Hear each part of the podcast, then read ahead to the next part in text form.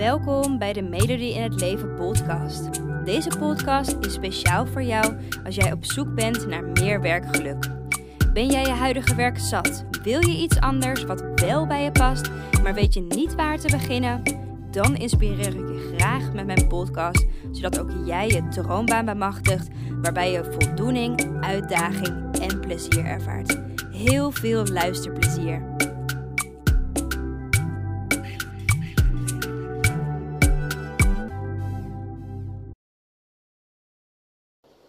Hey, hey, hey! Leuk dat je weer luistert naar een nieuwe podcast. En vandaag wil ik het met je hebben over, ehm, nou, hoe ga ik het noemen? Um, onzinredenen, denk ik. Ja, de zes onzinredenen die we bedenken om maar niet te hoeven wisselen van baan. En ik wil je met deze podcast ook even laten weten wat dan eigenlijk de echte reden is waarom je niet wisselt. En ik ben heel erg benieuwd, uh, ik durf bijna wel te wedden uh, erop. Ik ben heel benieuwd of jij je in een van deze redenen herkent. En in welke je dan misschien zelfs wel herkent. En ik zou het ontzettend waarderen als je me dat zou willen laten weten. Ik vind het altijd super leuk om te horen hoe deze podcast resoneert bij je. Dus laat het vooral weten. Stuur me een DM via Instagram. Je vindt me onder de naam m.elodie in het leven. Melodie in het leven. Um, en laat me even weten welke van deze redenen je herkent. Of misschien herken je ze wel allemaal niet. Um, laat me dan even weten hoe deze podcast resoneert bij je. Oké, dus de zes onzinredenen die we bedenken om maar niet te hoeven wisselen van baan. De eerste is geld. Ja, ja. Dit hoor ik zo ontzettend vaak. Want de baan waar je nu in zit, heb je waarschijnlijk een vast inkomen. Je hebt misschien wel een, uh, een baan, um, noem je dat, een vast contract en een duidelijk standaard inkomen. Hey, je weet gewoon aan het eind van de maand staat dit bedrag op mijn bankrekening. Uh, en daarmee kan ik alles betalen wat ik wil betalen. dus de huur, je auto, uh, leuke activiteiten, uh, noem maar op. Um, en op het moment dat je zou gaan wisselen naar een andere baan, heb je wellicht dit vaste inkomen niet meer. En dat vind je spannend. En dat zorgt voor meer, nou ja, eigenlijk onzekerheid, waardoor je de stap liever nog even uitstelt tot je een optie tegenkomt met meer financiële zekerheid. Eigenlijk ben je gewoon bang hè, om die financiële zekerheid te verliezen, omdat standaard inkomen niet meer te hebben om erop achteruit te gaan financieel gezien. Waardoor je eigenlijk alle opties maar afhoudt. Uh, of ja, alle opties uh, ja, niet goed genoeg zijn voor jouw gevoel. Uh, want ja, je wil wel dat inkomen, dat geld behouden. Is deze herkenbaar voor je? Ik denk het wel. De tweede is tijd. Want jij wil wisselen van baan. Maar daar heb je eigenlijk helemaal geen tijd voor toch? Je werkt misschien wel fulltime en als je thuis komt na een lange dag werken, een energieslopende dag werken, heb je in de avond ook nog plannen. Hè? Je moet sporten of je hebt met vrienden afgesproken. Um, je moet het huishouden nog doen. En in het weekend staan er natuurlijk ook weer andere dingen op de planning. Uh, feestjes, festivals, uh, nou ja, verplichte familieuitjes misschien waar je naartoe moet. Um, dus eigenlijk heb je misschien helemaal geen idee waar je de tijd vandaan kan halen op het moment dat je ja, zou moeten wisselen van baan. Want je bent al zo ontzettend druk. Waar ga je die tijd vandaan, vandaan halen? Um, dus eigenlijk voel je aan, de tijd heb ik op dit moment gewoon niet om werk te ontdekken dat bij mij past. Die tijd heb ik gewoon nog niet. De derde die ik ook heel erg vaak hoor is energie. Want, en ik kan me het echt heel goed voorstellen, ik heb zelf er absoluut ook gestaan. na zo'n dag werken ben je gewoon helemaal gesloopt. Weet je, je bent gewoon moe. Uh, zo moe dat je amper nog die koelkast open kan doen om er wat eten uit te pakken. En dus je ploeft lekker op die bank, je zet Netflix aan. Uh, inmiddels heb je thuisbezorgd ingeschakeld en dan weet je welke maaltijd uh, er bezorgd gaat worden. En na het eten ga je weer naar de bank, val je voor de televisie in slaap.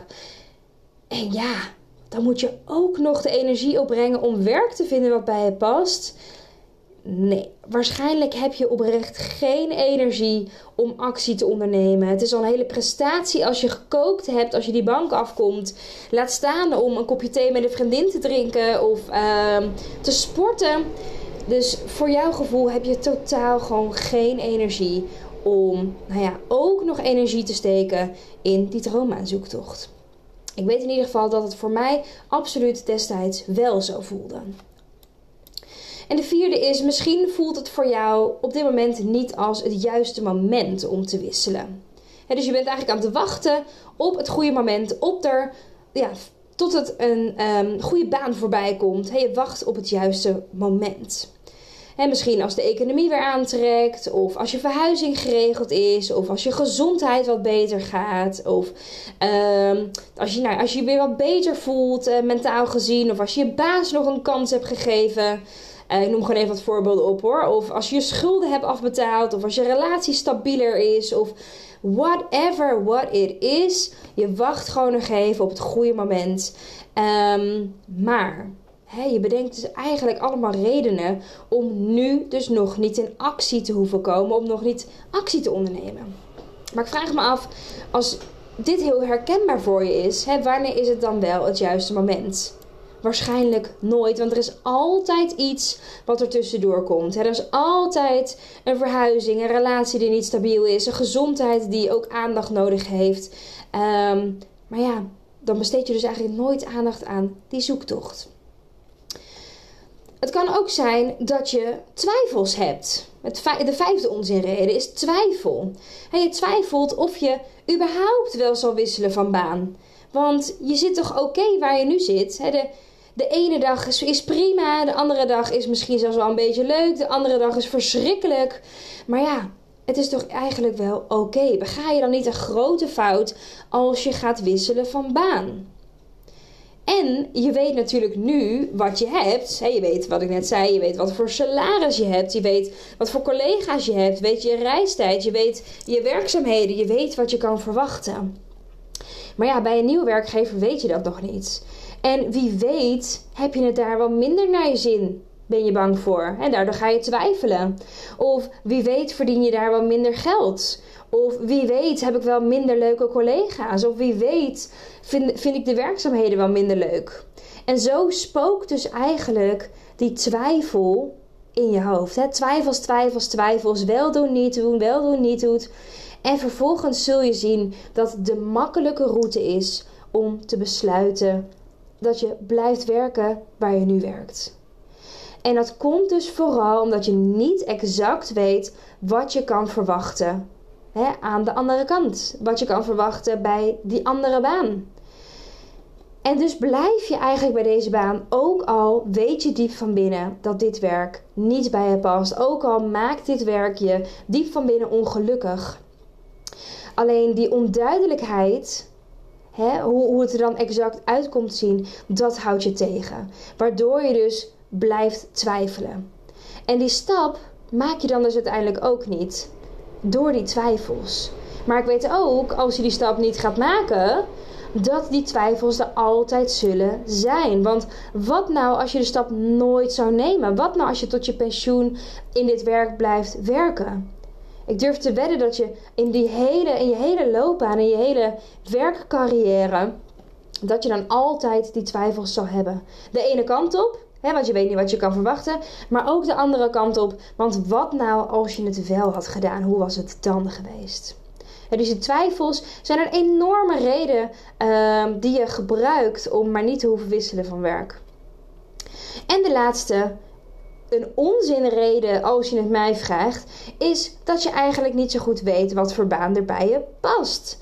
Dat je heel LinkedIn al hebt afgespeurd, banentesten hebt gedaan, vacaturesites onder loep hebt genomen, gesprekken hebt gevoerd met familie en vrienden.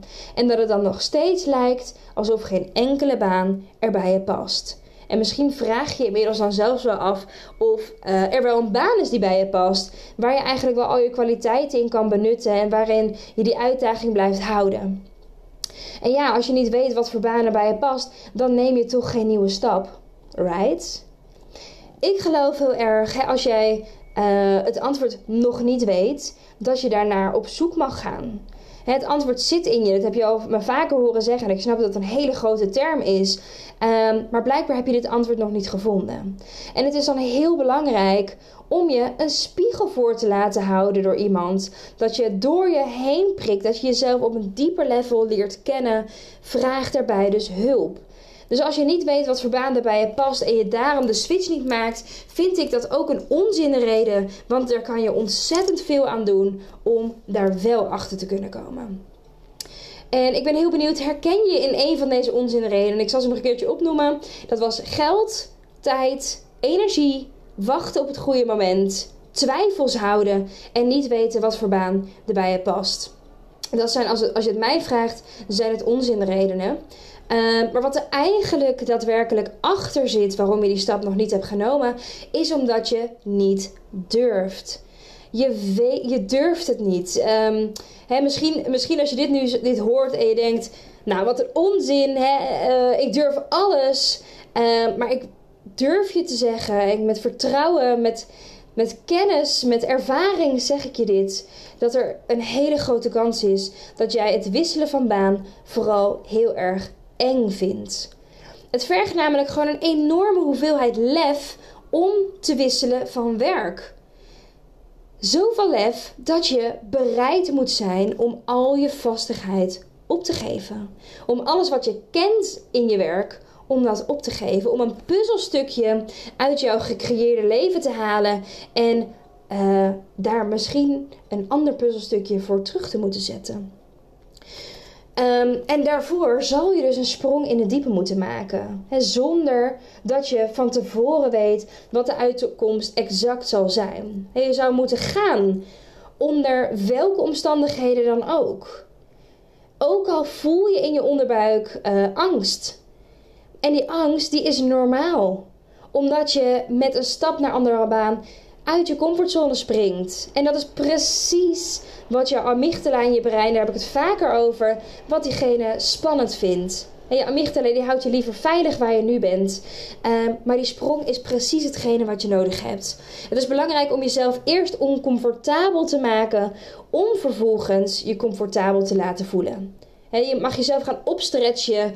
Uh, je mag een pad gaan kiezen waar je gelukkiger in zal worden. Ook al weet je nog niet exact wat voor pad dat is, maar daar kan je achter komen. Wat je daarvoor dient te doen, je dient bereid te zijn om te investeren in het zoeken naar een baan die bij je past.